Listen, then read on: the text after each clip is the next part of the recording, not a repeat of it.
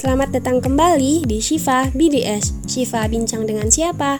Kali ini aku udah terhubung dengan Muhammad Fadila Kifari atau akrab dipanggil dengan sapaan Kang Gip.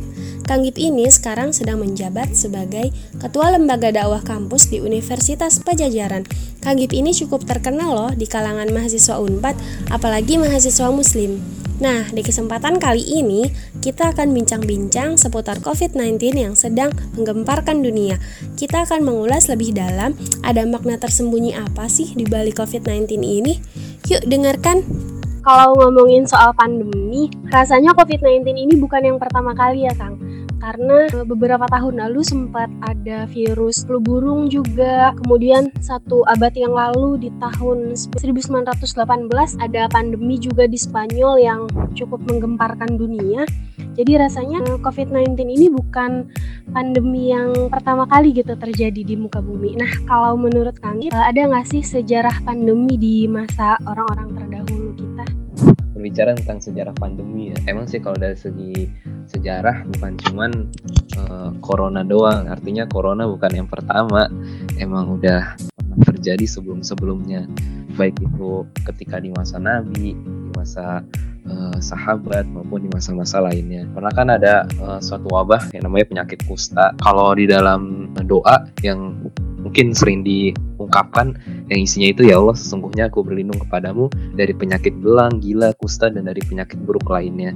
Dan itu menandakan bahwasanya penyakit kusta emang udah pernah ada gitu di zaman dahulu gitu. Terus selain wabah kusta juga ada wabah taun yang cukup terkenal ya yang cukup menular juga ketika di zaman Nabi itu katanya sih berasal dari bakteri hewan gitu yang menimbulkan kematian juga gitu. Terus ada juga penyakit kudis yang pernah uh, hinggap di dunia terus juga cacar air yang menjadi wabah pun uh, wabah-wabah lainnya gitu.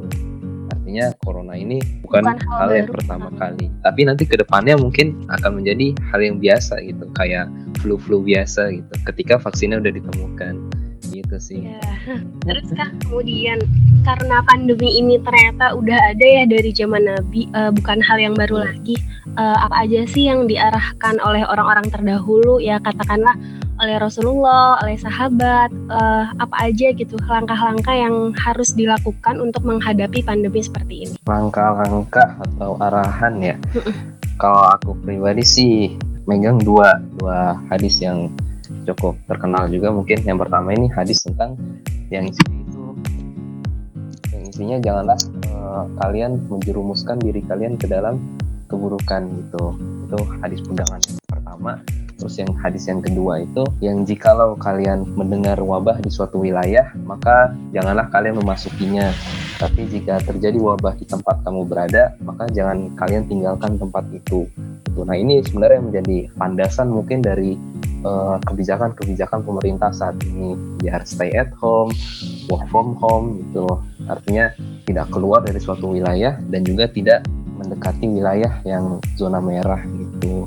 Terus juga jangan tadi kalau yang hadis pertama itu jangan menjerumuskan diri kalian ke dalam keburukan gitu artinya kita sok-sok nantangin corona keluar nggak pakai masker gitu lah. Mm, iya.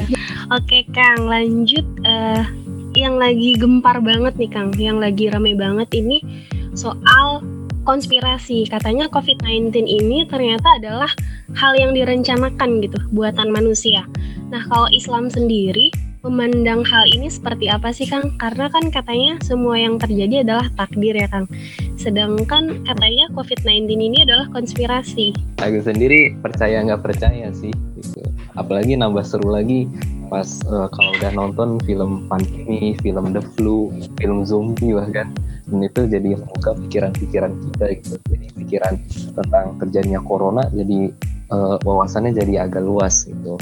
Apalagi kemarin yang kalau denger podcastnya Deddy Corbuzier sama Ibu Siti Fadila ya, ya itu ramai banget. Nah, itu ramai banget terkait dengan flu burung pada saat itu. Dan paling menoh banget ketika Ibu Siti itu mengatakan bahwasannya saya bukan salah tetapi saya ini kalah gitu hmm. artinya kalau dari sudut pandang Islam sih kita jangan terlalu termakan ya oleh teori konspirasi tapi kita juga jangan menutup mata gitu jangan menutup mata dengan teori tersebut uh, karena uh, menurut aku pribadi konspirasi pasti selalu ada. Kalau kalau berbicara tentang COVID ini ada dua nih, mungkin ada dua yang terjadi. Yang pertama konspirasi terjadinya COVID sehingga menimbulkan corona ini. Terus yang kedua konspirasi dalam kebijakan COVID-nya itu sendiri. Itu Allah alam sih mana yang benar. Tapi menurut penglihatan aku pribadi kalau dari segi konspirasi kebijakan pasti itu selalu ada gitu iya. karena kan pasti ada orang yang mencari keuntungan. Iya, yang tapi kalau ya. kalau berbicara konspirasi terjadinya covid itu Allah alam terus kemudian kan karena covid-19 ini e, imbasnya kan ke seluruh aspek kehidupan ya.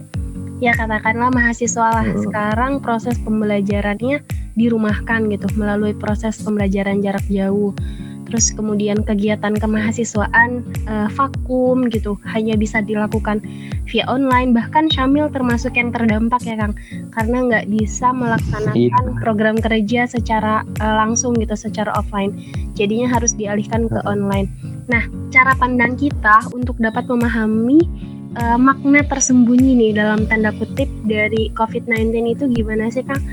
Uh, karena ternyata yang dirasa selama ini tuh banyak negatifnya gitu dari COVID-19 ini. Nah, cara pandang kita untuk mengambil eh, makna-makna yang tersembunyi itu gimana, Kang? Kalau aku megang satu prinsip sebenarnya dalam tiga kata. Yakin, sahur, murah gitu. Yakin ini yang pertama yakin ya. Yakin ini ya kita yakin dulu nih kepada Allah Subhanahu wa taala bahwasannya apa pun yang terjadi di apa pun yang terjadi di muka bumi ini emang udah direncanakan oleh Allah gitu kita harus yakin 100% percaya akan cara mainnya Allah. Terus yang kedua tadi apa? Sahur. Sahur ini singkatan. Sabar dan syukur gitu. Ini kan dua hal yang yang pasti berdampingan nih. Kalau kita sabar tentunya kita harus bersyukur. Di balik sabar ada syukur di balik syukur juga ada sabar. Artinya dalam menjalankan suatu musibah seperti saat ini kita harus bersabar tapi jangan lupa kita harus juga bersyukur gitu. Karena kita masih diberikan kesehatan gitu dibanding orang lain atau bersyukur karena kita masih bisa beraktivitas meskipun di rumah. Terus yang ketiga tadi murah gitu. kan yakin sahur murah. Dan murah ini singkatan dari musibah dan berkah gitu. Ini dua hal yang tidak bisa dipisahkan juga. Di balik musibah pasti ada keberkahan. Artinya di balik ujian di balik ujian yang dititipkan oleh Allah pasti ada keberkahan di balik itu semua tinggal bagaimana sih kita mencari apa di balik musibah tersebut. Tuh. Wah keren banget ya teman-teman. Jadi kita bisa banget nih aplikasikan tiga prinsip yang selama ini dipegang oleh Kang Gifari. Yakin, sahur, dan murah. Yakin, kemudian bersabar dan bersyukur. Kemudian uh, di balik musibah itu pasti ada berkah. Nah kalau dari Kang Gif sendiri ada pesan-pesan nggak nih buat uh, teman-teman mahasiswa mungkin pesannya ya tentunya sabar ya. Pasti uh, kayak gini nggak ada yang mau gitu. Cuman mau bagaimanapun ini udah terjadi gitu. Dan ini akan menjadi uh, catatan sejarah peradaban umat manusia. Artinya kalau kita berpikir yang positif bahwasannya kita uh, tercatat nih dalam sejarah besar peradaban gitu. Artinya uh, suatu yang beda ada suatu yang beda hadir ketika uh, kita menjalaninya gitu di masa muda ini dan orang yang uh, benar-benar hebat yakni dia emang orang yang mampu beradaptasi dengan perubahan tersebut. Karena seperti layaknya kehidupan kita aja pasti ada perubahan di setiap hal-hal yang akan kita jalani. Dan itu uh, ujiannya itu pada saat ini kita mampu nggak sih uh, beradaptasi dengan segala perubahan yang ada tersebut? Kalau Gus Miftah itu bilangnya kita ini melihat persoalan bukan dari ombaknya bukan dari ujiannya, tapi kita melihatnya dari kapalnya. Bukan ombak yang besar, tapi perahu kita yang kecil gitu. Artinya bukan ujian kita nih yang besar, tapi iman kita yang harus diperluas. Itu sih. Masya Allah, mantap Kang. Uh, mungkin sekian ya Kang bincang-bincang kita kali ini. Terima kasih banyak sudah uh, menyebarkan hal-hal positifnya, kemudian prinsip-prinsip yang selama ini dipegang teguh. Semoga dari obrolan kita kali ini banyak yang bisa mengambil manfaatnya dan menjadikan hidup kita lebih baik lagi. Amin. Terima kasih banyak iya, Kang Gitari.